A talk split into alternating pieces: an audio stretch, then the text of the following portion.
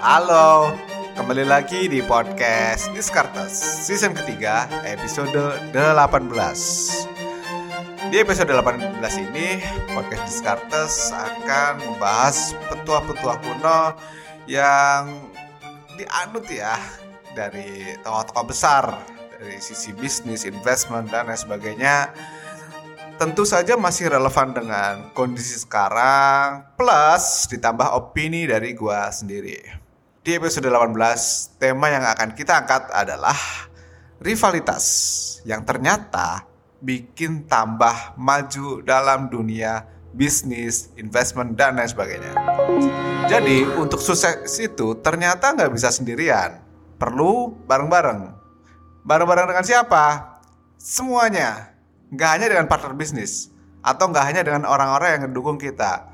Lucunya, fakta tetapi bahwa ketika kita memiliki lawan atau kompetitor, justru akan membantu kesuksesan kita. Kadang memang perlu berharap kompetitor tetap stay, tetap hidup, supaya kita bisa terpacu buat produktif, buat bikin inovasi, sehingga nggak berhenti melangkah make sense. Bayangin aja kalau misalnya dalam sebuah industri cuma dikuasai salah satu brand kayak monopoli, apa yang akan terjadi?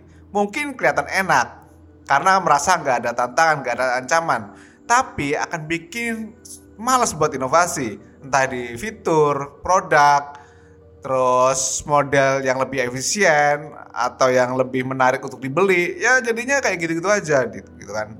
Jadi misalnya BBM nih kan selama ini dikuasai oleh perusahaan negara gitu ya. Sejak tahun 2005 Pertamina udah nggak lagi memonopoli penjualan BBM, udah ada brand lain seperti Shell, Vivo atau Total yang menjadi eh, retailer BBM eceran di Indonesia dan macam-macam.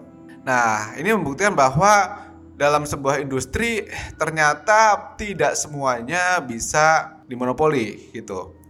Nah, kita akan ambil contoh BMW sama Mercedes. Mereka kan rival sejak lama banget. Rivalitas BMW dan Mercedes itu ternyata sudah ada sejak awal abad 19. Itu sengit bersaing. Kelihatan dari tren jumlah penjualan secara global kedua perusahaan dalam satu dekade terakhir itu kejar-kejaran. Dan menurut catatan salah satu website yang membahasnya dari tahun 2010 sampai 2015 ternyata BMW sempat mengungguli Mercedes-Benz. Namun setelah 2015 sampai 2021 gantian nih Mercedes-Benz yang mengungguli BMW. Nah, persaingan keduanya terjadi di hampir semua kelas mobil yang diproduksi mulai dari sedan sampai ke SUV ada sedikit cerita tentang kedua brand mobil mewah ini. Pada tahun 1959, ketika kondisi keuangan BMW sedang jelek-jeleknya ya, terburuk, hampir bangkrut, ini dilihat sama kompetitor yang kemudian mengajukan penawaran untuk akuisisi.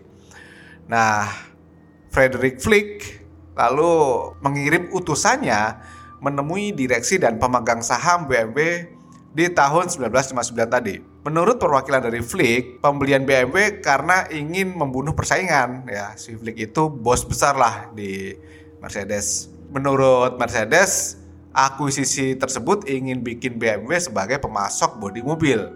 Nah, memang kondisi keuangan Mercedes-Benz pas itu lagi bagus-bagusnya beda dengan BMW. Pada pertengahan 50-an, permintaan Mercedes-Benz di atas kapasitas produksinya. Jadi, kewalahan buat menutup kebutuhan dari market. Makanya mereka berniat menambah kapasitas produksi dengan mengakuisisi pabrikan mobil lainnya. Kayak Auto Union pas itu. Nah, rencana ini kan bakal makin perfect ketika berhasil menguasai BMW. Tapi gagal. Jadi ada salah satu pemegang saham minoritas BMW yang dia ikut menaikkan porsi kepemilikan sahamnya sampai 50%. Namanya Herbert Kwang. Nah, dengan kepemilikan mayoritas, si Herbert tadi memutuskan untuk menolak tawaran dari Flick. Jadi bisa dibilang Herbert ini melakukan aksi penyelamatan gitu. Nah, untungnya setelah aksi tersebut kondisi BMW makin lama makin sehat keuangannya. Jadi ternyata Quant dan Fig itu adalah dua pengusaha sukses yang saling bersaing di era pemerintahan eh, Jerman pas itu. Cuma memang nggak banyak sumber karena masih kental kan suasana politik dan perang di era tersebut. Jadi mungkin mereka nggak terbuka ke wartawan. Oke, di luar obrolan tadi, apa yang bisa kita ambil dari manfaat persaingan atau kompetisi? Sebenarnya tidak hanya di konteks bisnis ya, tapi di berbagai macam, entah itu olahraga, bahkan ketika kita sekolah pun ada yang namanya kompetisi, ya. Pas nonton bola nggak seru kalau nggak ada kompetisi. Kalau cuma bermain pasti nggak seru, makanya ada kompetisi di Liga A, Seri 1, Seri B, nah pasti ada. Ada beberapa manfaat persaingan dalam bisnis buat gue ya. Yang pertama adalah memicu inovasi. Jadi karena kita memiliki kompetitor, maka secara tidak sadar kita akan berusaha untuk lebih bagus daripada kompetitor lain gitu kan. Berusaha untuk memenangkan dari kompetitor lain. Jadi otak berpikir gimana caranya biar kita bisa menjadi winner gitu. Yang kedua, merangsang penyempurnaan sebuah produk atau service. Nah, ini terkait dengan inovasi tadi kan karena ingin menjadi winner, otomatis kita akan shaping the product ya, atau servisnya akan diperbagus.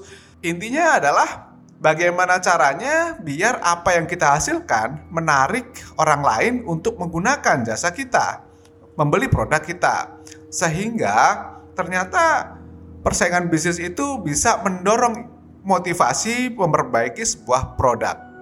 Yang ketiga adalah mendapatkan konsumen yang loyal. Jadi memang kalau ada kompetitor itu berpotensi kita kehilangan pelanggan karena pelanggan ke tempat lain gitu kan. Tetapi ingat bahwa pelanggan yang setia di tempat kita, maka itu menjadi kategori konsumen yang loyal. Nah, konsumen yang loyal ini harus kita treat dengan baik.